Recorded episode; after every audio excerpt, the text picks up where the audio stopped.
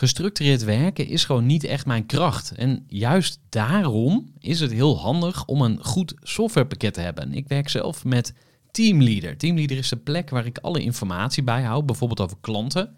Waarin ik offertes maak en verstuur en die digitaal laat ondertekenen. Waarin ik facturen verstuur, waarin ik lijstjes bijhoud, waarin ik projecten kan managen, waarin ik standaard e-mails kan programmeren. Kortom, ik gebruik Teamleader om alle werkprocessen van mijn bedrijf te stroomlijnen. En zeker ook als je met een team werkt, is het heel fijn om over dezelfde informatie te beschikken. Nou, als je ook benieuwd bent of er mogelijkheden zijn om jouw bedrijf meer te stroomlijnen, of je nu alleen werkt of met een team, ga even naar teamleader.nl slash groeivoer en je kunt dan vandaag nog een trial starten voor twee weken lang, gratis. En je kunt Teamleader volledig uitproberen. En na de proefperiode krijg je ook nog zo'n leuke korting als luisteraar van Groeivoer. Ga naar teamleader.nl slash groeivoer. Gooi voor. Gooi voor. Gooi voor. Zoek je inzicht, inspiratie voor je eigen bedrijf. Wil je elke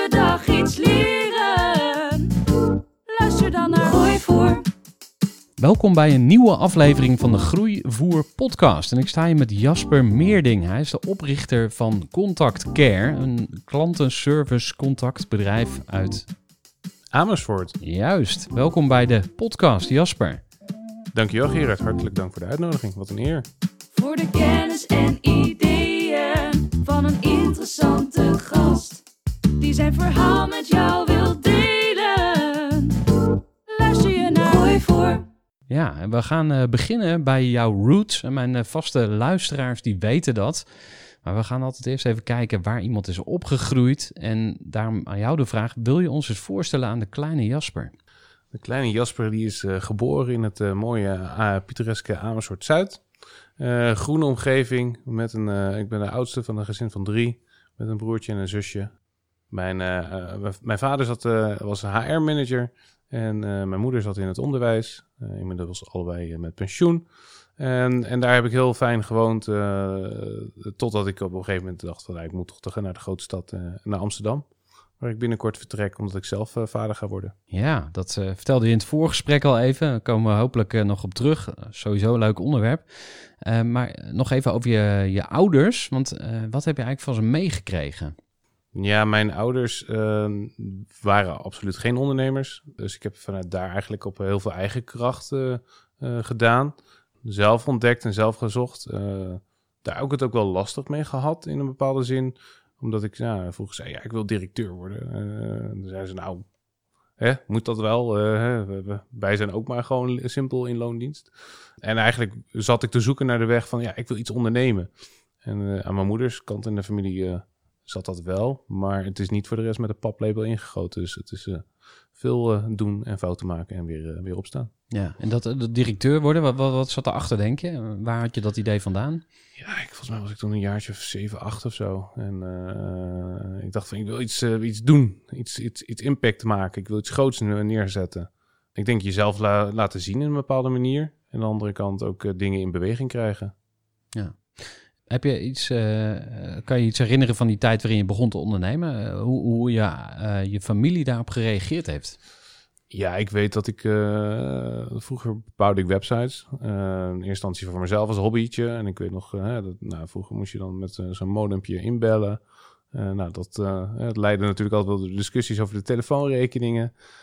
vanuit mijn ouders. En later, volgens mij kregen we op een gegeven moment ISDN. Eh, nou, dus dat, dat kon toen nog wel redelijk, konden we wel op een bepaalde manier doorbellen. Dus toen ben ik begonnen met websitejes maken voor vrienden, familie, kennissen. eh, eh, vanaf eigenlijk dat ik met twaalfde was eh, betaald, soort van.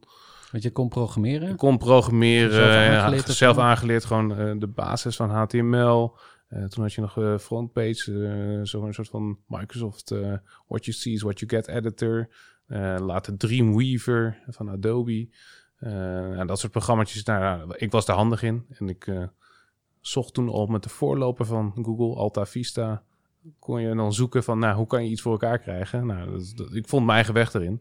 Maar je bent niet echt een nerd, tenminste. Mm. Als ik naar jouw profiel kijk, denk ik meer aan de sales guy. Ook ongeduldig. Dat staat niet helemaal in lijn met Nee, CTO-programmeur? nee klopt. Ik, ik wist mijn weg te vinden. En ik kon andere mensen dan ook wel weer voor me winnen dat zij het werk konden doen. Maar ik snapte het wel inhoudelijk.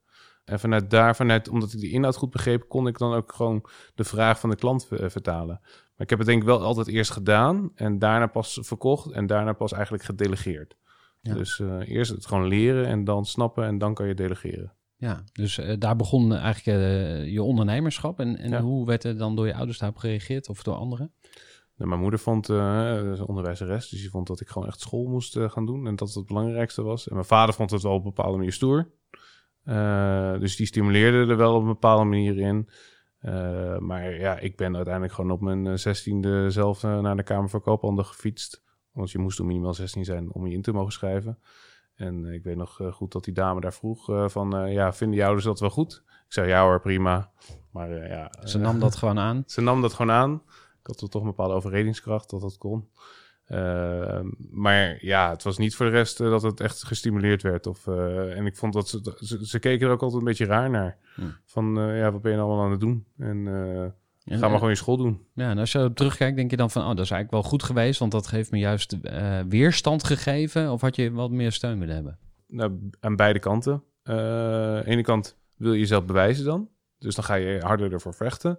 Andere kant had je misschien ook wel wat meer begrip eh, voor willen hebben. eh, dat het ook op een andere manier kan dan eh, met, met school en opleiding. En nou zeg ik niet, hè, een opleiding is heel belangrijk. hè. je moet een papiertje hebben om te kunnen aantonen dat je een bepaald werkend denkniveau hebt.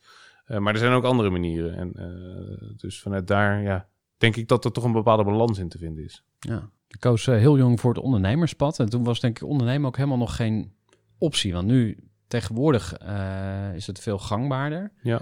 Eh, ha- had je toen vriendjes of zo die het ook deden? Nee. Of helemaal niks? Helemaal niks. Nee. Nee. Nee, Dus ik ben ook alleen gestart. Eh, wist ook helemaal niet dat het eigenlijk samen kon. Wist überhaupt niet wat er eigenlijk allemaal in kon. Je had niet, geen blogs of iets. Of de KVK was echt nog een heel stoffig iets. En ja, als je dan inschreef, dan kreeg je via de post allemaal uitnodigingen voor de macro en de sligro. En dat was het een beetje. Eh, echt op de inhoud ging er verder rest niemand in. En men vond het allemaal maar een beetje ja, apart. Om, maar ja, je moest, Ja. eh, als je een factuur moest doen, ja, moest je een KVK hebben en dan een BTW-nummer en dan ja, een bankrekening en dan kon je beginnen. Ja, en hoe heet je eerste bedrijf?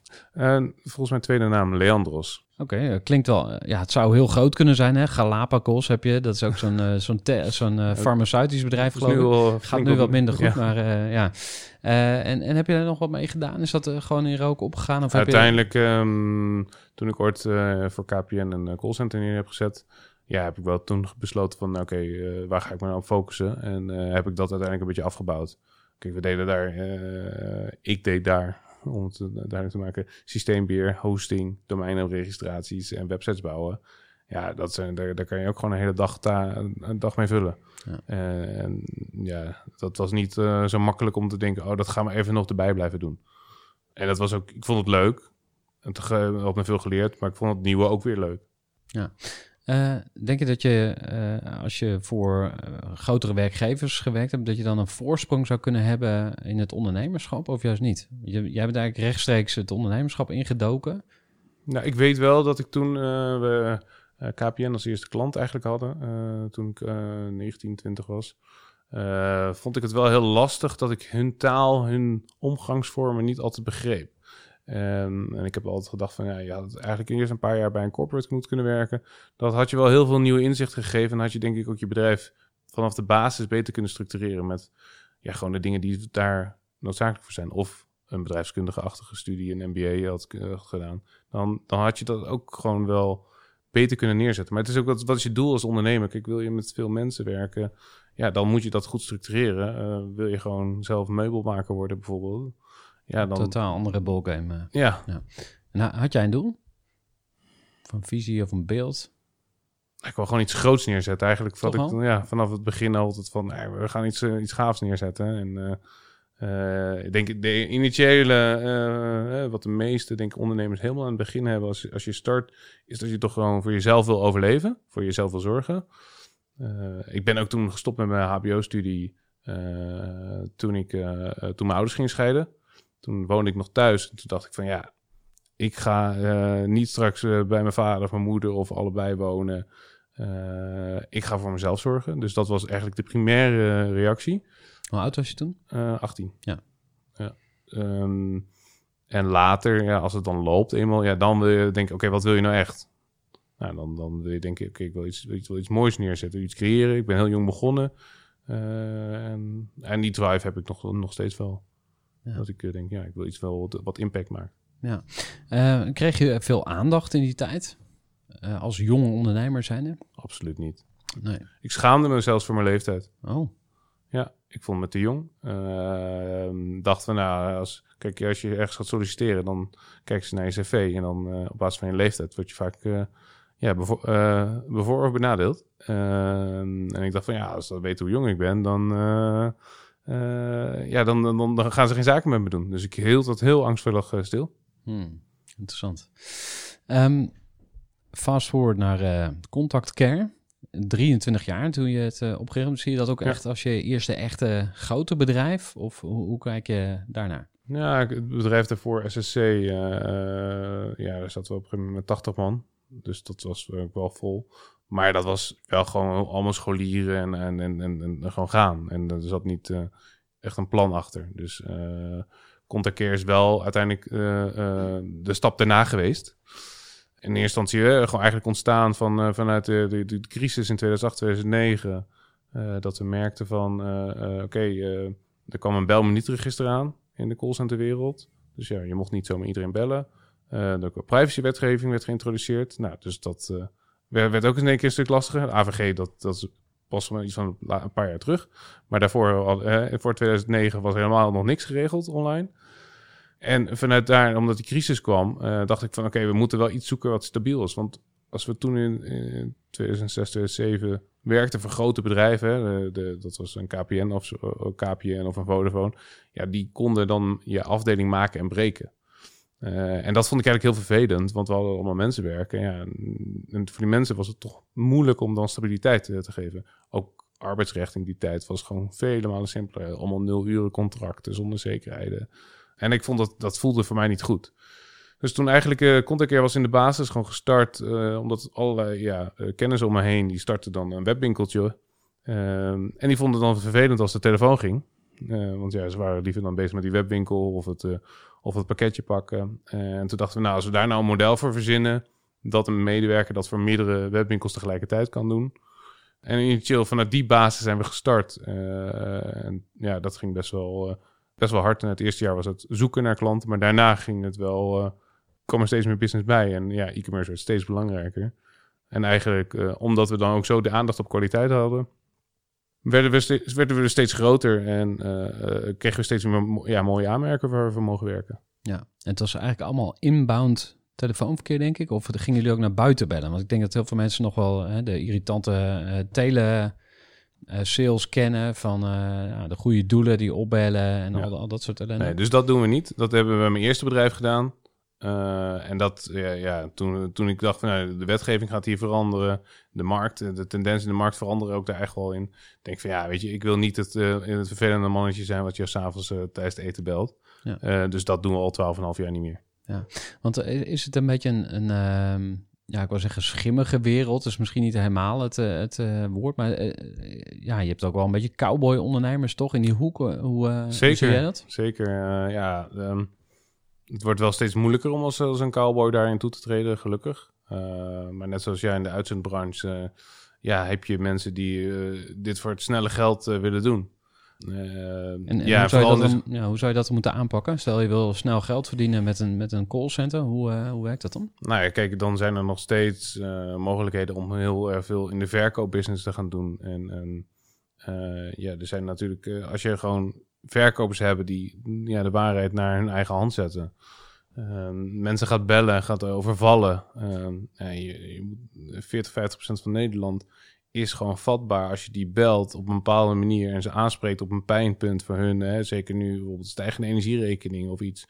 En als je kan dan gebruik maken van die mensen, van hun zwakheden, door ze om te zeggen van, ik heb een aanbod voor u mevrouw, dit en dat. En, eh, eh, ja, en daar kan je ze iets verkopen. Wat uiteindelijk puntje bepaalt je meestal net iets anders uitvalt dan dat het van tevoren eh, gedaan is. Ja, en er zijn af en toe wat cowboys die dat dan proberen en die, eh, ja, hun medewerkers heel erg motiveren met allemaal snel geld. Ehm, ja, en ik, ik, ja, voor mij is dat niks. Ik, eh, ik hou van eerlijkheid en van duurzaamheid. Je zou een keertje bij ons moeten komen kijken en dan kan je die cultuur ervaren. En dat is dan heel anders dan zo'n zo'n ballroom, ball, waar zo'n game wordt gespeeld. Waar Ja. Gordon Gekko uh, Ja. rondrent, tenminste dat beeld komt op. ja. En eh, heb je wel eens een dilemma gehad? Dat je dan, eh, kan, je, kan je eens een klant noemen waarvan je dacht van ja, of eh, misschien zonder namen te noemen, maar eh, heb ik toch gedaan, maar ik twijfelde? Of Ja, we zijn gedaan? recent bijvoorbeeld gestart eh, eh, met eh, online, eh, het online gok is natuurlijk geïntroduceerd. Eh, nou, daar zijn we aan, voor een aantal van dat soort bedrijven zijn we gestart toen met een klantenservice. Nou, dat is natuurlijk heel dubbel. Hè? Kijk, aan de ene kant de grootste eh, leverancier of eh, grootste partij in de gokwereld in Nederland is de overheid Ja, in principe ja. met Holland Casino. Nou, is gokken kan een leuk spelletje zijn voor sommige mensen, maar sommige mensen is het ook echt serieuze verslaving. Nou, is er vanuit de Nederlandse overheid een echt een heel strikt beleid geweest, met strenger van heel Europa, om eh gokverslaving te voorkomen. Dus jij hebben gedacht van ja, weet je, we kunnen dit doen en we kunnen zorgen dat we het heel goed doen, zodat we de mensen eh, die mogelijk gokverslaafd zijn heel goed kunnen aanpakken en heel goed kunnen weren en kunnen helpen en kunnen verwijzen naar instanties. Eh, maar ja, aan de andere kant, ja, die gokbedrijven proberen ook weer zoveel mogelijk geld te verdienen daarin. Ja. Dus het, eh, toen initieel aan de start van dat tra- traject, ja, hebben we gedacht van ja, gaan we dat wel of niet doen? En hoe is, hoe is het uitgepakt? Nou, we hebben dus eh, één één partij, eh, eh, we hebben het voor, voor twee partijen zijn uiteindelijk gestart. En één partij is uiteindelijk gebleven. Die andere partij ja, was toch te veel snel geld en, en zoveel mogelijk draaien. Ja, uiteindelijk merk je dan toch op cultuur dat het niet loopt. Dus daar is het toen het contact mee ja, beëindigd. Ehm, misschien nog heel even in Jip en Janneke, wat jullie precies doen als Ja. Care. Bij Contact Care eh, doen wij alles rondom klantcontact. Dus wat we aan de ene kant zeggen is dat we een academy hebben... waar wij eh, onze medewerkers uiteraard in opleiden. Eh, dat wil zo zeggen voor soft skills. hè, hoe ga ik om met weerstandgesprekken... maar ook hard skill, echt gewoon projectinhoudelijke kennis. Dat doen we dan ook voor onze klanten. hè, op locatie van de klant of die komen bij ons... of die volgen een opleidingstraject. Nou, dan hebben we klanten die dat bij ons uitbesteden. Eh, dat kan een receptiedienstverlening zijn. Dus bijvoorbeeld een, eh, eh, een Stichting Garantie Reisfondsen of een Arla Foods. Camille, die nemen gewoon op onze receptie af als verzekering dat zij altijd bereikbaar zijn. Daarnaast hebben we dan ook een, echt mensen die op, een fixed project zitten. Dat kan van een flitsmeister zijn. Dat, dat kan ja, voor allerlei verschillende merken zijn. Of dat we een, echt een hele afdeling neerzetten. En dat hebben we bijvoorbeeld we doen heel veel in het aanvullend openbaar vervoer in Nederland. Dus eigenlijk alle aanvullend openbaar vervoerdiensten. Ehm, en daarnaast voor T-Mobile werken we voor Simpel en voor Ben en allerlei andere merken. Daarnaast hebben we dan ook weer mensen die op locatie bij de klant zitten. Dus bij de intratuin bijvoorbeeld hebben we dan de, de klantservice op locatie verzorgen we. Hmm. En we hebben bedrijven die dat dan bijvoorbeeld eh, ons inhuren om eh, ja, echt een heel proces op te zetten. Zoals bijvoorbeeld eh, recent, eh, begin van corona, toen alles zeg maar steeds meer gedigitaliseerd werd, eh, hebben we de Digi-hulplijn geïntroduceerd. eh, samen met de Koninklijke Bibliotheek en het ministerie van Binnenlandse Zaken. Om uiteindelijk ook een helppunt te bieden voor ja, mensen die niet direct die corona-check-app konden installeren. Of die überhaupt geen zo'n laptop of iets hadden, zodat er een ja, bepaalde weg te vinden is om ja, die mensen ook daar echt in te helpen of te verwijzen naar de juiste punten. Ja. Eh, hoe verhouden tech en touch zich in jouw bedrijf? Want ik had ook een gesprek met de eh, oprichter van Trengo bijvoorbeeld. Ja. Eh, dus er zit veel aan de techkant volgens mij. Maar jullie Ja. hebben echte mensen van vlees en bloed. Ja. Die eh, ja, op locatie de, de, de telefoon opnemen. Hoe, hoe, eh, hoe kijk je daarnaar? Ja, kijk, ehm, wat, ik al, wat ik al eerder refereerde van, kijk, eh, waar je mee omgaat, word, word je mee besmet. Dus als jouw vrienden, familie heel erg tech-savvy is, dan denk je dat, dat de wereld op dat moment zo is. Eh, maar als je zeg maar ziet, zeker ook demografisch gezien, eh, zijn er gewoon nog heel veel mensen die gewoon behoefte hebben aan persoonlijk contact. Of die proberen, Amerikanen noemen het altijd, make it, eh, je moet het een beetje dom maken, zodat de Amerikaan het snapt. Hm. Maar de Nederlander wil, is ook niet altijd zo slim. Of die wil gewoon de bevestiging wat hij, dat hij, wat hij gelezen heeft, dat het klopt. Of die kan niet lezen. Zo zijn er ook nogal heel veel Nederland, mensen in Nederland. Dus die wil uiteindelijk een persoonlijk contact dan hebben.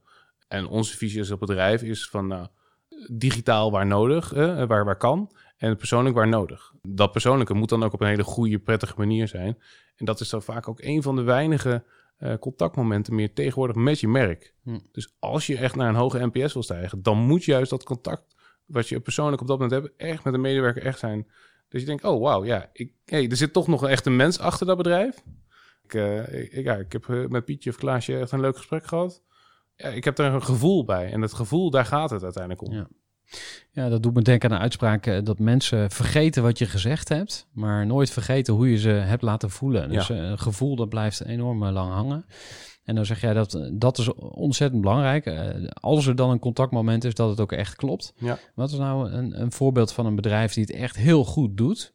En waar ligt dat dan aan? Zit dat alleen in die mensen? Of, eh, Nee, kijk, eh, als een bedrijf het echt heel goed doet, dan doen ze het op heel veel vlakken heel goed.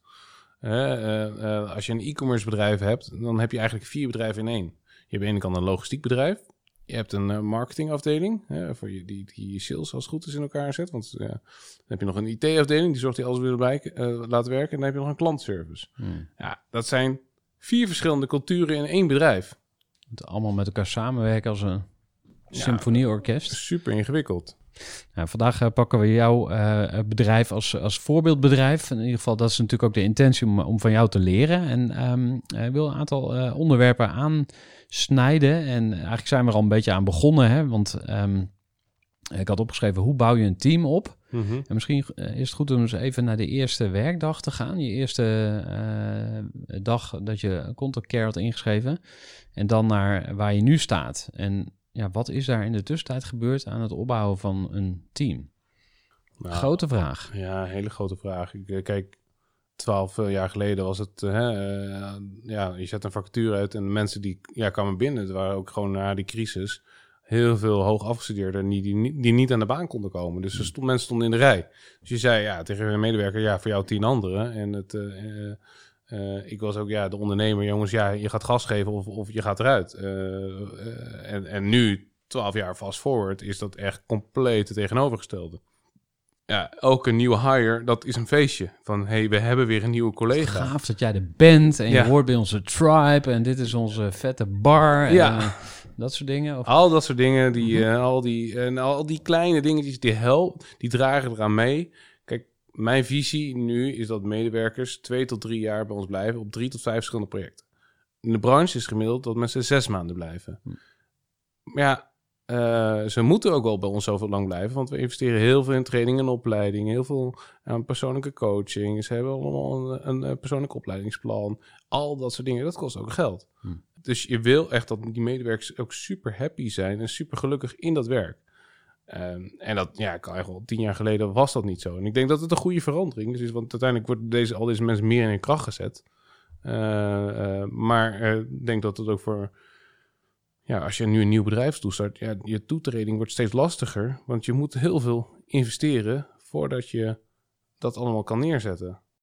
Even een korte onderbreking met een belangrijke vraag aan jou. Want wat heb jij geregeld voor het geval je van de ene op de andere dag zou komen uit te vallen? Wat gebeurt er dan met je bedrijf, maar vooral wat gebeurt er met jou persoonlijk en ook in financieel opzicht? Samen met ASR voerde ik drie openhartige gesprekken over tegenslag en veerkracht. En dat deed ik met Saskia, Vincent en Pieter. Ondernemers met een bloeiend bedrijf die van de ene op de andere dag niet meer konden werken. En die verhalen hoor je in aflevering 256, 257 en 258 van deze podcast. Als ondernemer wil je natuurlijk niet uitvallen. En daarom is het belangrijk dat je veerkrachtig bent, want voorkomen is beter dan genezen. En als het dan toch misgaat, is het fijn dat je iets geregeld hebt, zodat je weer snel door kunt met ondernemen. Wil je weten hoe veerkrachtig jij nu bent?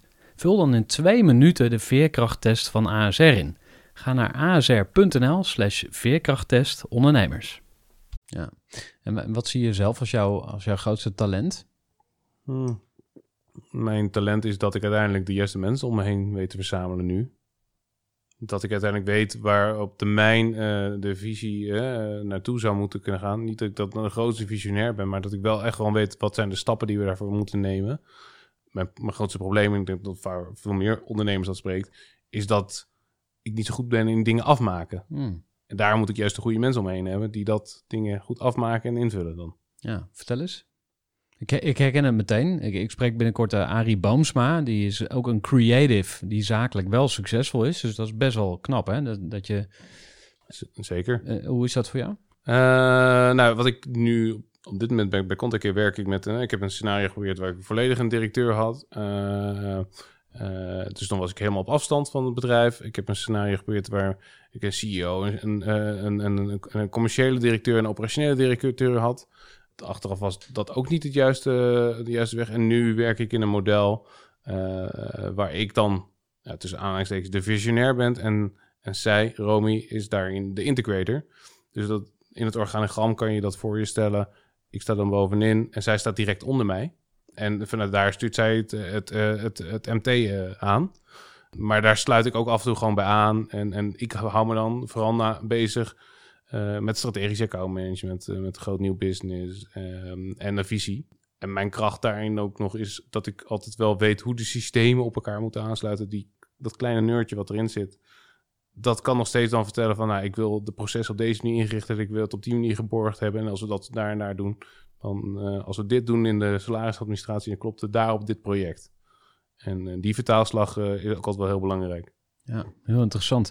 Dus want ik had inderdaad ook opgeschreven jouw terugkeer als CEO. Hè? Dat deed je natuurlijk meteen ook aan Steve Jobs uh, denken. En daar word je natuurlijk graag mee uh, vergeleken. Nou. Uh, of niet. Maar in ieder geval, um, want om, om dat er heel even uit te pakken. Wat, wat, wat ging daar volgens jou mis en wat is je grootste les geweest?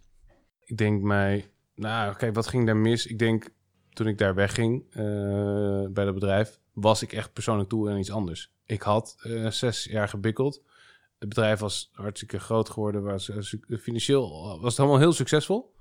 Maar dat wil niet zeggen dat ik als persoon heel gelukkig was. Uh, dus ik was daar zelf meer tegen mijn eigen maximum aangelopen. Uh, en ik kon het bedrijf verkopen. Of ik, ik had nog een visie om dat verder te brengen. Alleen ik vond mijzelf op dat moment niet de beste persoon om dat verder te brengen. Dus vanuit daar is daar een, een, directeur gekomen.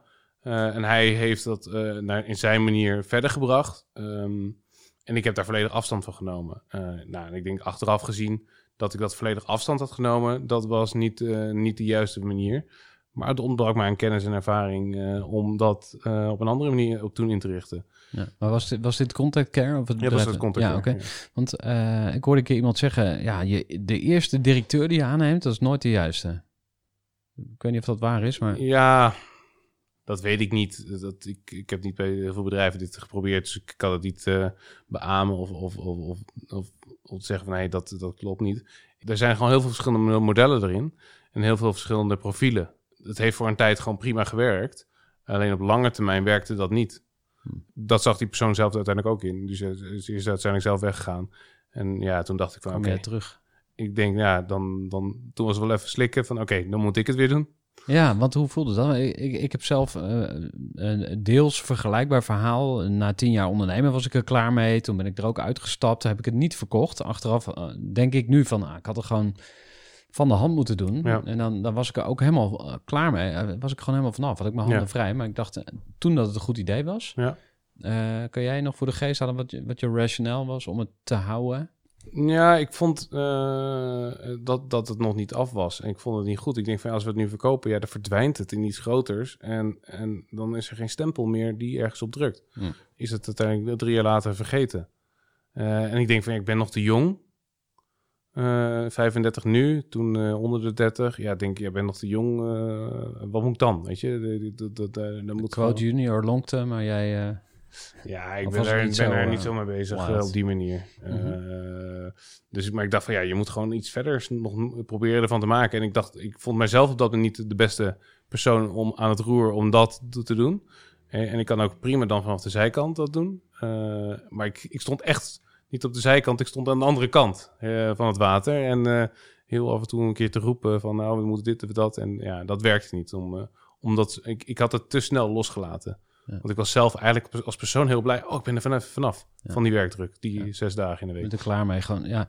En, en uh, om dan even naar dat gevoel te gaan. Want uh, toen stapte je weer terug. Dan dacht je echt van, ah shit, ter, terug in de tijd. Of wat, wat, deed, wat deed het met jou?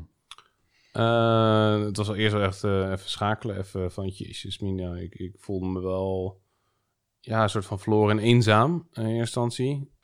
En daarna was wel als derde gevoel heel erg strijdbaar. Ik denk, oké, okay, we gaan het wel even fixen. Ja. En uh, hoe kwam de transitie naar dat tweede model waar je het over had? Dus je zei wel dan een CEO, commercieel verantwoordelijke en eh, operationeel? Ja, het was uiteindelijk, dat werkte onvoldoende. Corona kwam, eh, eh, er kwam daar verloop in, die gingen weg. En toen hebben we eigenlijk wel, ja, met behulp van een, van een, van een, van een scaling-up coach, zeiden we, nou, er is ook nog dit model. En toen ging ik dat boekje daarvan lezen. Net zoals ik heel veel aha-momentjes had toen ik ooit het eh, boek van Fern eh, las. En toen dacht ik, oh ja, Fern Harnish, eh, voor wie hem nog niet kent. Ja. toen dacht ik, oh ja, hey, dit klinkt wel als ideaal, als een goede beschrijving. Dus vanuit daar toen gaan zoeken van, hey, hoe kunnen we dat neerzetten? Ja. En tot dusver gaat dat heel goed. Ja, Ehm, het, het model, het Visionary Integrator model, hè, voor jou Ja. van- vanzelfsprekend en, en een gesneden koek, maar misschien kunnen we die ook nog iets meer uitpakken, want het klinkt als een hele mooie oplossing voor eh, ondernemers die een beetje klaar zijn met hun bedrijf. En ik kom ze best wel eens tegen. Eh, ik heb het zelf meegemaakt. Ik, ik, ik had laatst ook weer een gesprek met een ondernemer die zei: Ik ben nu al tien jaar aan het beuken, ik wil wel eens wat anders. En dan is altijd de vraag: wat ga je doen? Ga je verkopen? Ga je nou ja, er zijn allerlei eh, oplossingen. Wat, wat zou jij dan adviseren? Nou, kijk, ik denk als je echt klaar bent met je bedrijf, dan kost het je energie. En dan kost het je energie al in welke vorm dan ook. Dus ik denk als je echt klaar mee bent, dan zou je wel voor het beste voor het bedrijf moeten willen. En dat een bedrijf heeft positieve energie nodig. Dus dan zou ik toch gaan kijken van hoe kan ik op zo'n goede manier of het management of het, eh, eh, de medewerkers of een externe partij het kunnen laten kopen. Kijk, voor mij was het eh, niet zozeer, ik was klaar met het bedrijf, maar ik wist gewoon zelf dat ik niet in mijn kracht stond. Ehm, dus het Visionary Integrator model is van een Walt Disney, had zijn broer Ronald Disney, die in, intern allerlei dingen deed. Eh, eh, Ray Kroc had natuurlijk ook eh, van McDonald's, had intern ook gewoon echt een hele Hmm. goede pilaar. Nou, Steve Jobs, Tim Cook, die kent iedereen die, die, die, dat verschil. En ik denk dus, dat je als ondernemer heel erg naar je persoonlijkheid moet gaan. En dan moet kijken, zelf als persoon, waar sta jij nou als meest echt in je kracht? En vandaar dat je natuurlijk heel veel bedrijven starten met twee, drie ondernemers tegelijkertijd. Want dan kan je die rollen gelijk verdelen. Hmm. En, en ik denk dat dit, in dit geval is het heel erg, ja, omdat ik alleen ben, alleen was, eh, is het een hele andere situatie. En, en vanuit daar ga je dan kijken, hoe gaan we dat dan oppakken? Doe me ook denken aan het verhaal van eh, eh, Dopper. Marijn Everaerts, die was ook in de podcast. En die zei, op een gegeven moment had ik honderd mensen in, in, in het bedrijf zitten. En toen, ja, het werd gewoon te veel. En ik rende iedere keer voor de troepen vooruit. En mensen begrepen me niet meer. Ja. En de, de- toen had hij dus ook een CEO aangenomen. Dus ik denk dat dat ook dit model is. Mhm. En dat brengt me bij de volgende vraag van eh, op welk niveau of ja, welke omvang moet je hebben om dit te kunnen toepassen? Kan, wer- werkt dit ook eh, voor vijf of tien man of twintig of vijftig? Of heb je echt serieus eh, volume nodig om dit toe te passen? Je moet het je kunnen veroorloven. Dus ik denk vanuit daar dat je vanuit je cijfers moet gaan kijken, kan ik me dat betalen? En eh, wat, wat zijn dan de stappen die je moet volgen daarin? Dus stel je wil een integrator of je wil een eh, CEO of hoe je, hoe je het ook wil, eh, wil, wil Mhm. noemen. Wat zijn dan de stappen om, om, om een samenwerking te smeden die misschien wel tien jaar mee kan? Nou kijk, ik denk wel een CEO, over het algemeen wordt die gezien als de baas. Boegbeeld, eh, boegbeeld naar buiten. en naar buiten. En, dus, en, eh, en vaak als het dan een man is en dan een, een ondernemer ook nog een man, heb je allemaal ego's. En dat, dat wordt allemaal heel ingewikkeld. Heb je dat zelf ook meegemaakt? Dat heb ik ook meegemaakt, ja. Dus, nou, ten eerste zoek een vrouw. Die zijn uiteindelijk, eh, zeker in een bedrijf, wij zijn een mensenbedrijf.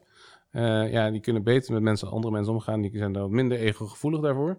Dat is mijn ervaring dat dat over het algemeen beter werkt. En vanuit daar, als je volgens dat Visionaire Integrator model eh, zou willen werken, nou, ga eerst allebei dat boek lezen. Doe een test of je inderdaad wel echt dat type dat profiel bent. Dan hebben wij dat gedaan. Maar eh, heb je die gevolgd, die test? Of Eh, heb je die zo, er was een online test van een tegenhangersysteem van Scaling Up, de Entrepreneur Organization System, EOS. Hm.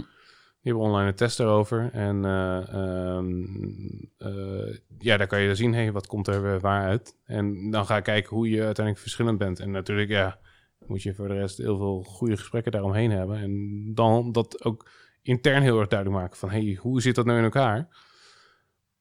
Maar ik denk uiteindelijk als je als ondernemer nog steeds ook in het organigram meestaat en meedoet, dan, dan, gaat, het, dan gaat het vanzelf. Maar je moet natuurlijk een soort van. Het, het, is een bepaald huwelijk, maar je moet een papa-mama situaties voorkomen dat mensen denken: oh, ik ga hiervoor naar papa en daarvoor naar mama. Je moet het op de juiste manier implementeren. En ik denk uiteindelijk met de juiste persoon kan dat. Ja. En hoe doe jij dat? Hmm, nou, ik denk dat ik dat redelijk doe, maar dat zou je naar moeten vragen. En wa- wat laat je los en wat, wat hou je absoluut eh, vast? Want dat Ehm. vind ik dan Steve Jobs. eh, ik weet niet of ik het correct heb, maar eh, volgens mij wordt hij ook wel eens als voorbeeld genoemd als iemand die heel groot kan denken, maar die ook echt een pietlut is op, op, op, de, op de details. Nou, ik ben ook wel eens een pietlut op de details. Dus eh, ik vind het loslaten nog steeds lastig. Op de juiste manier daar weer feedback op moet geven. Dus je moet een bepaald overlegritme erin hebben. Maar ik denk dat heel veel ondernemers ook helemaal gek worden van vergaderen. Dus je moet ook wel weer niet te veel structuur daaraan aan, aan doen. Maar je moet daar gewoon hele korte lijntjes met elkaar verhouden. En wat is dan een voorbeeld van iets wat je eigenlijk niet eh, losliet en daarna misschien toch blij was dat je het wel gedaan hebt? Nou, we hadden een tijd, eh, we hebben een tijd terug tijdens corona het hele kantoor verbouwd. Eh, Oh, dat vind ik een heel mooi voorbeeld, ja. En ja, dat is wel uiteindelijk, ja. We hebben toen uiteindelijk daar een projectmanager voor eh, ingehuurd, extern, die gewoon, die, die dat altijd deed. Gijs of Geert? Hoe- Jaap. Jaap, precies, ja. Jaap, ja, een hele toffe vent, heel, een gaaf project heeft hij ervan gemaakt. En Jaap, die heeft dit al honderd keer gedaan. Een stuk ouder, een stuk meer ervaring. Dus ja, voor mij was het wel even zoeken van, oh, ik moet het even loslaten. eh, en vertrouwen krijgen in, die, in hem. Eh, en dat is uiteindelijk heel goed gegaan. En het is ook super goed uitgepakt. En ik had het zelf echt niet zo kunnen doen. Alleen ja, ik kom natuurlijk uit die ondernemer van... hey, als ik het zelf kan, zelf begrijp, dan kan ik het delegeren. Want dan snap ik het. Maar ja, eh, dat, dat, als je op een gegeven moment in, deze, in dit formaat kan dat niet. Hm. Je moet uiteindelijk gewoon zoeken naar de experts daarin. Ja. Eerst, eerst in een bedrijf heb je generalisten en daarna specialisten. En die specialisten, ja, die zijn uiteindelijk dan gewoon beter dan jij. Hmm. En ehm, heb je het gevoel dat je nu weer eh, een soort van de weg vrijgemaakt hebt eh, voor groei, zeg maar? Wat, eh, even gedachten eraan voorafgaand van je, je kan natuurlijk zelf de bottleneck zijn. Als je alles vasthoudt, dan, dan ben jij altijd degene die nog ja of nee moet, moet zeggen. Maar jij zit nu weer in een fase, klinkt het, waarin dingen langs jou heen gaan en, en meer gaan flowen of zo? Ja. Of, vul ik dat dan te veel in? Nee, ik denk dat het wel eh, eh, eh, in de laatste drie jaar dat ik dan terug ben. Nou, het bedrijf, we hebben het van een callcenter erg naar een klantcontactbedrijf getransformeerd. Die verschillende di- divisies daarin losgezet. We hebben gewerkt aan al onze certificeringen.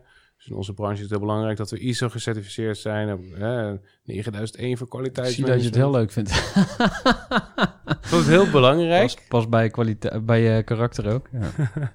Eh, nou, ik kan wel heel blauw zijn. Oh. Eh, ik blauw, ben blauw en geel. Hmm. Dus ik kan heel... eh, eh, maar dat is een beetje van welke fase ik zit. Ik, op een gegeven moment vanuit ervaring kan ik heel erg naar blauw toe gaan. Want ik denk, je moet dit heel goed regelen. Dus Blauwe structuur Ja. en details. Ja, en, eh, ja, ja. ja. en dus vanuit daar dat ik dat ISO en zo heel belangrijk daarin vind. Maar vraag mij het niet om het helemaal in detail rond eh, te laten maken. Want eh, ja, dat, dat, is eh, kantoor te klein. Ja, ja. En we, we, nou, we hadden twee weken terug weer ons ook weer Place to Work certificaat gekregen. Ik zag het, ja. Nou, dat is wel heel tof. Ehm, en dat wou zeggen dat 92% van de medewerkers heeft ja geantwoord op de vraag of Contacare een great place to work is. Nou, dat, daar, daar, ja, daar kan ik wel heel trots op zijn. Dus, ehm, en dat, dat, dat komt wel eh, eh, omdat uiteindelijk dat, dat, dat Romy, de leidinggevende die er overal weer tussen zitten, op die juiste manier eh, ja, eh, in de kracht zetten. We hebben het nu vooral gehad over het topmanagement, bij wijze van spreken. Ehm, en wa- wat zijn nog andere lessen die jij geleerd hebt over het aannemen van eh, ja, je echte vaste teamleider? Kijk, we proberen, eh, nu zitten we in de fase dat je, als je mensen aanneemt, dan moeten het specialisten zijn. Die moeten één ding heel goed kunnen. Ehm, en eh, ik denk dat dat de laatste jaren de grootste transformatie is geweest van generalisten naar specialisten. Die heel goed zijn in het trainingen ontwikkelen of training geven. Of heel erg goed het proces kunnen optimaliseren. Of ja, echt kunnen leiding geven. Echt mensen kunnen inspireren. Echt mensen in hun kracht kunnen zetten. Eh, ja, en, en terwijl je een, als je een wat kleiner bedrijf hebt, dan heb je eerst gewoon generalisten nodig. Dan moeten, mensen drie, vier rollen tegelijkertijd doen. Dat is mm, ja, een hele grote transformatie die je daar moet maken. Ja. En wat heb jij daar dan in geleerd? Eh, Bijvoorbeeld eh, eh, de, de verkeerde mensen aangenomen of... eh, Ja, ik heb eh, heel, eh, heel vaak... eh, kijk, ik denk dat je toch uiteindelijk na een jaar... kan je nog altijd wel zeggen dat 50% weer een bepaalde bad hire is. Eh, eh, 50 procent, ja. Dat is volgens mij een beetje gemiddelde. Ja, ik denk dat je daar continu in fouten blijft maken. Maar je wordt er steeds beter in. En dat gaat steeds... ja, En je krijgt ook steeds meer een netwerk in, waardoor uiteindelijk mensen naar jou toe komen. Dus vanuit daar optimaliseer je dat continu. Maar het is ja, toch altijd een beetje trial and error. Ja. Heb je het gevoel dat je realistischer wordt? Zeker. Zeker. Ik denk dat je als ondernemer in het begin ben je altijd heel enthousiast en, en overmoedig. En dan heb je de grootste, denk je dat je de hele wereld gaat veranderen. Op een gegeven moment, in, ja, door de jaren en de ervaringen, ja, word je toch wat grijzer en wat ervarener en dan eh, iets rustiger. Ja. En, en hoe ziet succes er nu uit? En ik was, we hebben één keer in het kwartaal de, de Kernwaarde Awards. En eh, we hebben drie, drie kernwaarden bij Content Care. Nou, wees jezelf, wees echt. Andere kant, eh, ga voor verbinding. En dan ontwikkel je jezelf iedere dag. En volgens deze kernwaarden, elk kwartaal, nomineert een medewerker die hem ontvangen heeft, een andere medewerker. Met een klein verhaaltje erbij. Nou, dat was afgelopen vrijdag weer. En dan medewerkers, klantservice medewerkers, die eh klantexperts zoals wij ze noemen. eh, ja, die gaan dan uiteindelijk een award uitgeven aan een andere medewerker tijdens een vrijdagmiddag tijdens de maandelijkse borrel. Ja, en dat is dan wel echt heel gaaf om te zien wat die mensen gewoon out of the blue voor speech neerzetten. En ook hoe ze dan dat ervaren bij, bij, bij. Dat maakt mij echt van binnen heel erg trots. Hmm. Cool. Ja, tof. Ehm, we gaan eh, ook eh, kijken naar de toekomst. Want eh, ja, de tijd die, die vliegt natuurlijk als je spreekt over ondernemen. We hebben het gehad over je, je, je verleden natuurlijk. Over waar je nu staat. over jullie Monkey Bar. Hebben we het niet over gehad. Maar jullie hebben een heel tof kantoor. Nog een reden om bij jullie te gaan werken. Maar hoe kijk je naar de toekomst? Want ik, ik vroeg je ook even naar, naar Tech en Touch. En Ja. ik noemde eh Trengo even als voorbeeld. Hè? Dat is dan een partij waar echt miljoenen in gaan. En, Ja. En ben je dan wel eens jaloers? Dat je denkt van, hè, dat had ik ook gewild. Of heb je zelf ook zulke plannen? Hoe, hoe, eh, Nee, ja, dat? kijk, ik, eh, we hebben ooit wel de basis een systeempje gemaakt. En ik, en, en ik vind dat, ja, hoe dan Trengo dat doet, is hartstikke tof. Ik zie het dan eh, vooral bij wat kleinere klanten werken dat systemen heel goed. En nou ja, hadden, we, hadden we maar. Maar ja, ik had ook eh, programmeurs bij ons werken in 2012 die al zeiden van je moet echt in, in, in bitcoin investeren. Ja, en ik weet hoeveel geld ze er nu mee verdiend hebben. Maar ja, Ja, could have, should have, eh, et cetera. Weet je, eh, uiteindelijk probeer je elke keer wat en je maakt dan keuzes. En, en ja, ik denk dat er heel veel partijen zijn die daar hun, hun ding daar weer doen. Maar ja, weet je, is het dan uiteindelijk de waardering of is het het geld of is het de erkenning of is het het gevoel? Wat, wat, is uiteindelijk dan het belangrijkste? En ik denk, ja, je moet uiteindelijk gewoon zelf happy zijn. eh, maar met, met, met de plek waar je naartoe gaat, met de mensen met wie je het doet. En, dan wat de buitenwereld aan een waardering of aan winst of aan een, aan een, weet ik veel, een lijstje ergens, dat hangt. Ja, dat moet je dan volgens mij even een beetje loslaten. Het gaat in instantie over wat heb je er zelf bij als gevoel. Ja. Ja, want ik vroeg je natuurlijk net van, wa- wat is je, je plaatje van succes? Mhm. je noemde de, hè, de, de- die bedrijfscultuur die je gecreëerd hebt. Wat, wat, zit er nog meer voor beelden op jouw moodboard, als je het zo wil noemen? Nou kijk, een bedrijf moet wel uiteraard gewoon eh, financieel succesvol zijn. Hè? Het moet winst maken. Vanuit daar hè, het moet het res- reserves aanvullen. eh, Naast een winstuitkering voor iedereen. Dus het moet dan groeien. Het moet in beweging zijn. Het moet zichzelf ontwikkelen. Het moet zich vernieuwen. En andere mensen ook weer inspireren.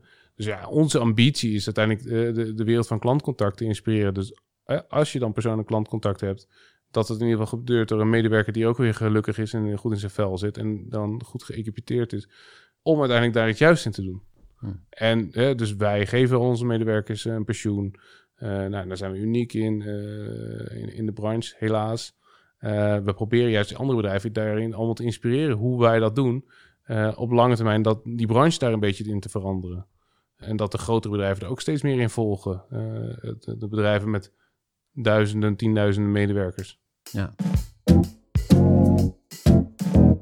Eh, jij kiest ervoor om, om zelf alle aandelen in handen te houden, om autonoom te groeien. Ja. Maar je hebt vast wel regelmatig een, een berichtje via LinkedIn van... hey, zullen we eens praten? VC, Ja, ja, eh, venture capital of informal investors die in willen stappen. Hoe ga je daarmee om? Eh, ja, toen me dat in het begin overkwam, toen dacht ik, oh ja, wat moet ik hier allemaal mee? Kijk, inmiddels nu... Flyend. Flyend, heel leuk en eh, mooi, mooi. En dan, dan- dan denk je, oh, wat, dan kan ik dat en dat kopen. En dan, ja, eh, ik ben ooit wel eens een keer in zo'n proces gestapt. En ja, toen tijdens dat proces voelde dat eigenlijk helemaal niet goed. Dus denk, nou, wa- waarom niet? Wat, wat voelde je en wat, wat, nou, je triggerde voelde je? je gewoon dat de verbinding met, met die persoon... Uiteindelijk denk van ja, maar dat gaat zoveel frictie op lange termijn opleveren. Is dit wat ik wil? Is dit het beste voor het bedrijf? Eh, Zou, zou dat erg zijn, frictie? Eh, nou, kijk, zonder wrijving geen glans. Eh, maar ik was op dat moment niet in staat eh, om dan... eh, ik was niet sterk genoeg om dan die strijd aan te kunnen gaan. Dus dan zou ik uiteindelijk inleveren, wat ik dacht van ja, dat is niet goed. En waarom... eh, en ik, en ik, we, deden het, niet dat het dan nodig was voor het bedrijf, maar het was dan... Oh ja, ik in mijn holding kreeg dan geld. Ja, en ik denk van ja, dat, daar is het niet per se voor, eh, voor, voor de bedoeling. Want dan krijg je ja, geld en dan kan je er andere dingen weer van kopen. Maar ja, dan is het, eh, zeg, geef je wel een stuk uit handen. Dus ik denk dat daarin de juiste match vinden heel erg belangrijk is. Eh, maar aan de andere kant is, ja, als je je aandelen weggeeft, dat is de duurste financieringsvorm die er bestaat. Dus je moet daar echt wel een heel goed ja, een doel voor hebben. En ehm, in onze branche is het niet zo dat je denkt, ah, ik koop morgen die concurrent op. Want ja, eh, qua cultuur kan het echt een totaal ander bedrijf zijn.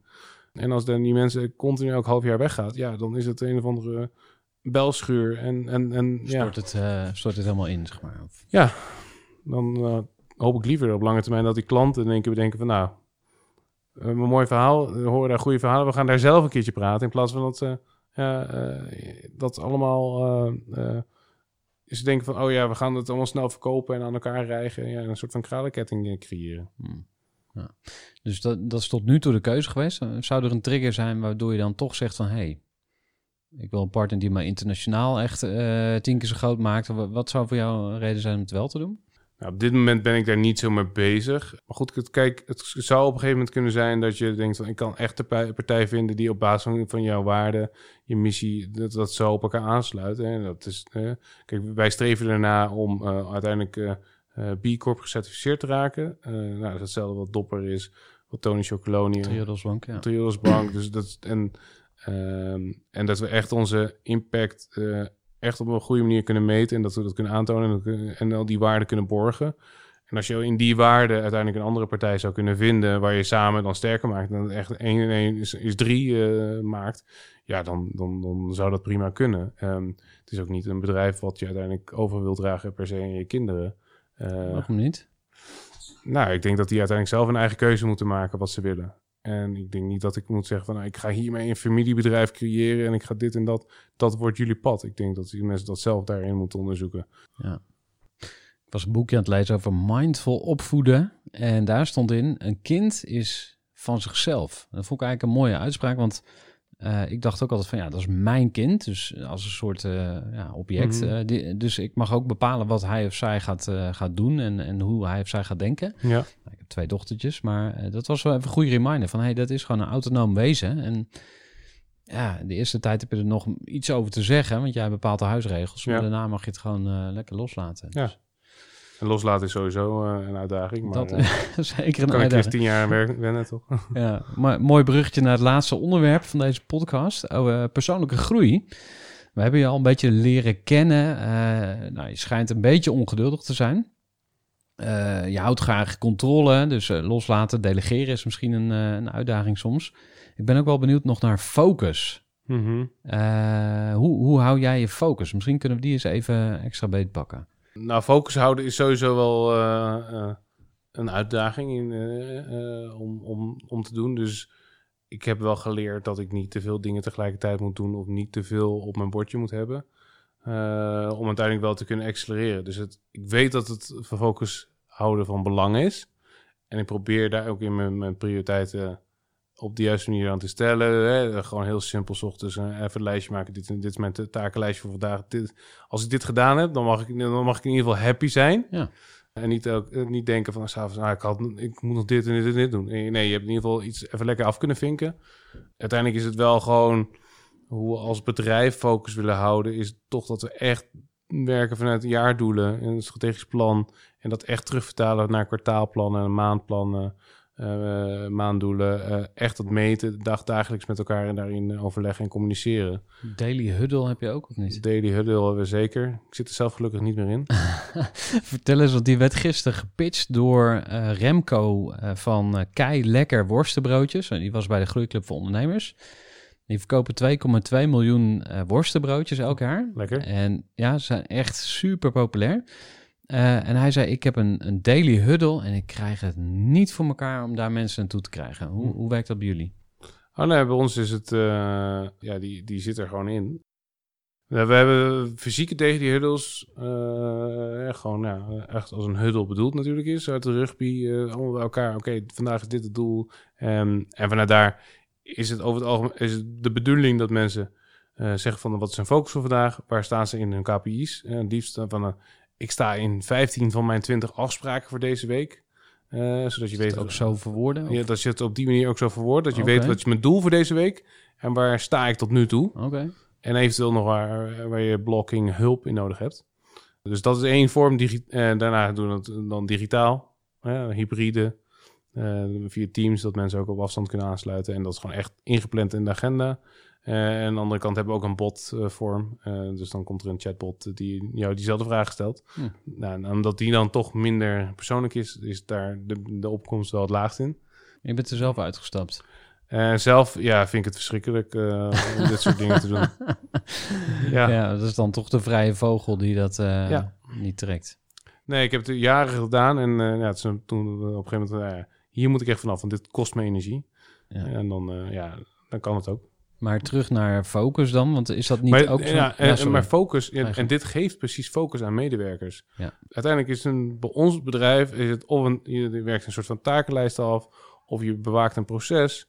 En dat wordt uiteindelijk gemeten in resultaten. En, en door dat dan terug te koppelen, dagelijks of wekelijks, weet je in ieder geval waar je staat. Kijk, ja, eh, en ik kijk er op hoofdlijnen naar. Ik ben dan niet de persoon daarvoor, maar de persoon bij ons, ja, die moeten dat op een bepaalde manier wel doen. Eh, En dat is uiteindelijk het verschil. Ja, en dat, dat past bij je of past, past niet als persoon bij je. Maar ja, dat proberen we uiteindelijk van tevoren helder met elkaar te hebben. Dat, dat we deze dingen van elkaar verwachten. En dan wil je ook meten van... Ik sta hier bij mijn doelen, want ik heb dit doel per week, per maand wat ik hier moet halen. En die huddle die voelt voor jou een beetje als een soort eh, dwangbuis, zou je kunnen zeggen. Daar wil je niet eh, in zitten. En, en ehm, eh, dat gevoel heb ik een beetje bij focus. Dan hou ik het even bij mezelf, maar eh, iedereen roept altijd je moet focussen. En soms denk ik wel van ja, maar ik wil gewoon even lekker aankloten. Laat me nou. Ik wil gewoon ook een, eh, een, een bullshit projectje hebben. Dus wat gun jij jezelf daarin? Of ja, hoe kijk jij daarnaar? Dus, Ja. Mm, ja, kijk, als ik de hele dag maar één ding doe, dan word ik een beetje ja, ongelukkig onrustig. Dus ik denk, in, tenminste in mijn hoofd is het niet van, ik sta aan, ik sta uit. Ik heb niet een zakelijke telefoon en een privé-telefoon. Bij mij gaat het altijd door. Als ik de krant lees, dan haal ik de informatie uit voor mijn werk. Als ik een tijdschrift lees, dan doe ik dat. Ik, ik, wil graag een boek lezen. Ik ben daar altijd mee bezig. En ehm, bij mij ja, vloeit dat op, op de manier dat, dat ik inspiratie links ergens op doe en die rechts kan gebruiken. Dus als ik. Ik ben, geen, ik, ben, ik ben een generalist. Ik ben geen specialist die één ding heel goed kan. Ik ben niet een finance specialist die de hele dag in Excelletjes kan zitten. Ja. Want daar word ik ongelukkig van. En dus laat mij gewoon dan die verschillende dingen doen. Ik denk dat dat weer een verschil is met een, uiteindelijk ja, wat een, dat iemand een ondernemer maakt. Laatste eh subonderwerp over persoonlijke groei. Want eh, wie heb je om je heen? Wat is eigenlijk jouw, jouw ja, ik noem het cirkel van vertrouwen. Dat is ook eh, de werktitel van mijn boek over ja, wie heb je om je heen nodig. Ehm, hoe ziet dat er bij jou uit? Wat is jouw support system? Nou, uiteraard eh, thuis, mijn vriendin, eh, deel ik alles mee. Daarnaast uiteraard hebben we dan een MT-leiderschapsteam binnen, binnen Contacare, waar ik heel veel mee, deel. Eh, vanuit daar, ik heb ook een, een, een, aantal goede vrienden waar ik daarin kan, mee kan sparren. Eh, dan heb ik zakelijk gezien eh, heb ik een, eh, forum. Eh, dat is een groep van ondernemers eh, waar we af en toe bij elkaar komen. Eh, en daar echt ja, updates aan elkaar geven. En, en dat die update wil zeggen, hè, je verdeelt je 5% uit je maximaal, uit je top van je leven. Nou, ik ben heel trots dat ik dit heb gedaan. En 5% van mijn laagste, nou ja, ik ben net vreemd gegaan. Mijn, mijn vrouw eh, wil bij me weg. Of echt gewoon dingen die echt persoonlijk raken. Waar andere mensen dan uiteindelijk weer daar eh, hun ervaringen in zo'n soortgelijke situatie delen. Wat mij, toen ik daar ooit mee begon, persoonlijk heel veel ingegaan. Oh shit, ik ben dus niet de enige die dit probleem heeft. Eh, en daar heb ik heel veel van geleerd. En je leert van andere ervaringen. En iedereen doet af en toe een case. eh, en, wordt, je coacht daar elkaar in. En het is heel fijn dat daar op een manier met elkaar gesproken wordt. Waarin dan eh, iedereen alleen maar vanuit een eigen ervaring mag eh, vertellen. Dus niet de buurman heeft X gedaan of eh, mijn buurvrouw eh, heeft zo gedaan. En dat werkt heel prettig. Eh, en daarnaast heb ik ook nog een accountability buddy. Vertel, want die heb ik ook. Hoe, eh, hoe, hoe heb jij dat inge... Dus wij, wij, wij, wij bellen elke uh, dinsdagochtend. Um, en dan uh, en vertellen we gewoon even hoe het gaat. Even een beetje klagen. Even, en af en toe even leuke dingen met elkaar delen.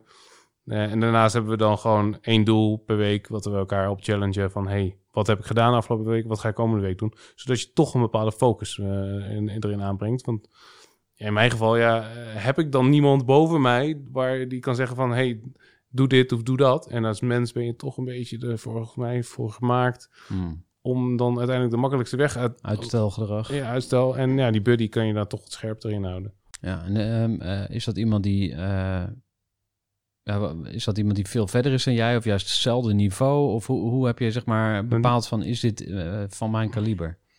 Nou, het, het is iemand die totaal iets anders doet. Dus totaal, je kan het niet, de bedrijven niet zo 1, 2, we hebben allemaal met mensen te maken, maar uh, daar zit een, is niet te vergelijken. Hij zit, hij zit in het recyclen van vliegtuigen. Oké. Nou, heel dus wat anders. Heel anders. Dus, uh, maar goed, we werken allemaal met mensen en we zijn, hebben ook allemaal persoonlijk onze uitdagingen. Ja. En uiteindelijk is een buddy van het, iemand die zegt: jij doet X. En, en een week later vroeg heb je ook X gedaan? Hmm. En waarom heb je dat dan niet gedaan?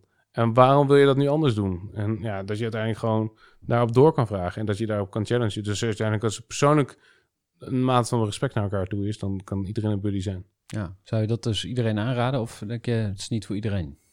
Nou ja, als je er zelf uh, behoefte aan hebt. Kijk, ik probeer binnen Contact Care wel met mentors en mentee-programma's te werken. Uh, buddy-systemen daar integreren. Uh, maar je moet er zelf als persoon wel achter staan. Als je er geen zin in hebt, moet je het, moet je het niet doen. Ja, ja, het is iets, uh, ik zou het ook een, een unknown unknown kunnen noemen, zeg maar. Van als je geen accountability partner hebt, dan zul je ook nooit ontdekken wat de kracht ervan is. Ja. Dus ja, ik raad het mensen van harte aan. Alleen um, uh, zeg je, ja, daar heb ik geen tijd voor, daar ben ik te druk. Ik denk dat je, je, je, het kan je juist wat tijdbesparing opleveren, want het helpt je om focus te creëren. En bij ons gaat het gewoon zo van, ja, we lezen elkaars jaarrekening ook. En, uh, en, en, we proberen echt elkaars mee te nemen in onze strategische doelen. En waarom is dat dan zo belangrijk? Want we zijn een buddy op het zakelijke vlak. En mhm. uiteraard privé dingen deden we ook. Uh, maar op zakelijk vlak, ja, we, we hebben al, allebei een ambitie en die delen we met elkaar. Ja, heel tof.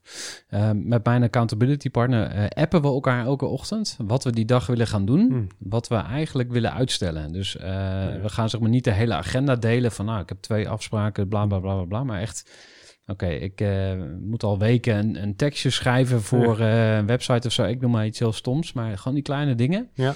En ja, ik denk dat uh, uitstelgedrag voor ondernemers een, een, soort verborgen probleem is. Want niemand durft er ook over te praten, want ja. je stopt het juist een beetje weg. Ja. Dus uh, ja, dit is een mooie, mooie tool ervoor. Uh, ik zou dolgraag doorvragen, maar we gaan uh, toch naar de laatste vraag. En ehm, ik had hem al aangekondigd, maar wil je ons eens één of misschien twee levenslessen meegeven? Want jij bent in 1986 geboren, dus je hebt toch al weer wat jaartjes op de teller. Wat is nou eigenlijk het beste advies? Misschien wel aan je eigen zoon of... Maakt niet uit. Ja, voor mij is dat uiteindelijk toch wel een cliché van het komt gewoon altijd goed. Uh, ik denk dat je als je uiteindelijk in die positieve instelling hebt, dan komt het ook uiteindelijk altijd wel goed. Weet je, in één keer, bijvoorbeeld mijn huis stond laatst te koop en Oekraïne startte op dat moment precies tegelijkertijd. Nou, waren de eerste kopers allemaal zagen van, oh nou ja, we weten het nog niet zo goed. Terwijl drie weken later was het gewoon weer verkocht. Dus uh, bepaalde geduld, ik denk dat er een, en ik zag van de week laatst een filmpje op, eh, op, op LinkedIn of iets voorbij. Van een, van een leraar die een, een 20 dollar briefje, die ging hij op de grond gooien. En dan ging hij op stappen en dan ging hij op stampen en die ging hij verfrommelen. En elke keer vroeg hij aan de mensen in de klas van, ja, willen jullie dit briefje nog hebben? En iedereen zegt uiteraard gewoon ja. Maar heel veel mensen hebben op een gegeven moment het gevoel dat zij niks meer waard zijn als het een paar keer tegen zit. En dan gaan ze uiteindelijk buiten hun eigen waarde werken. En en da, als je er uiteindelijk gewoon maar blijft, het positief blijft inzien dat het uiteindelijk altijd goed komt, dan vind je uiteindelijk al je juiste weg. Dan kom je er wel. Dankjewel Jasper. Graag gedaan. Jij ook bedankt. Ja, tot zover deze aflevering van de Groeivoer podcast. Ik hoop dat je er weer veel inspiratie uit gehaald hebt. En ik wil je heel erg bedanken voor het luisteren. Ik ben ook op zoek naar manieren om deze podcast te laten groeien. En daar kan ik jouw hulp goed bij gebruiken. Een van de manieren waarop je mij zou kunnen helpen is door deze podcast door te sturen naar iemand in jouw netwerk. Wat ook heel fijn zou zijn, is een review op iTunes. Dus als jij een review op iTunes achterlaat, dan komt de Groeivoer podcast hoger in de ranking. Ja, tot slot nog een paar manieren om te verbinden met elkaar. Want daar gaat het in ieder geval in mijn leven heel vaak om, om verbindingen maken. Om te beginnen op LinkedIn. Dus als wij nog niet met elkaar verbonden zijn, voeg me dan ook even toe op LinkedIn. Mijn naam is Gerhard te Velde. Als je ondernemer bent met een team, met personeel, dan nodig ik je ook van harte uit om een keer langs te komen bij de Groeiclub voor Ondernemers. De Groeiclub voor Ondernemers is een soort intervisiegroep, een mastermindgroep, een denktank, hoe je het ook wil noemen, die elke maand bij elkaar komt. En daar kun jij als gast bij zijn. Dus als je ondernemer met een team bent en groeiambitie en je denkt, hey, ik wil wel eens kijken of die groeiclub wat voor mij is, kom dan gerust een keer langs. Stuur mij even een berichtje als je interesse hebt. Ja, tot slot kun je sowieso altijd inschrijven voor de gratis online community groei.club. Surf even naar groei.club en je vindt daar allerlei handige tools waarmee je aan je eigen groei kan werken, maar ook aan het laten groeien van je bedrijf of je teamleden. Nou, dan zijn we nu echt aan het einde gekomen van deze aflevering. Graag tot een volgende aflevering. Doei doei. Gooi voor. Gestructureerd werken is gewoon niet echt mijn kracht. En juist daarom is het heel handig om een goed softwarepakket te hebben. Ik werk zelf met Teamleader. Teamleader is de plek waar ik alle informatie bijhoud, bijvoorbeeld over klanten. Waarin ik offertes maak en verstuur en die digitaal laat ondertekenen. Waarin ik facturen verstuur, waarin ik lijstjes bijhoud, waarin ik projecten kan managen, waarin ik standaard e-mails kan programmeren. Kortom, ik gebruik Teamleader om alle werkprocessen van mijn bedrijf te stroomlijnen. En zeker ook als je met een team werkt, is het heel fijn om over dezelfde informatie te beschikken. Nou, als je ook benieuwd bent of er mogelijkheden zijn om jouw bedrijf meer te stroomlijnen, of je nu alleen werkt of met een team, ga even naar teamleader.nl slash groeivoer en je kunt dan vandaag nog een trial starten voor twee weken lang, gratis. En je kunt Teamleader volledig uitproberen. En na de proefperiode krijg je ook nog zo'n leuke korting als luisteraar van Groeivoer. Ga naar teamleader.nl slash groeivoer.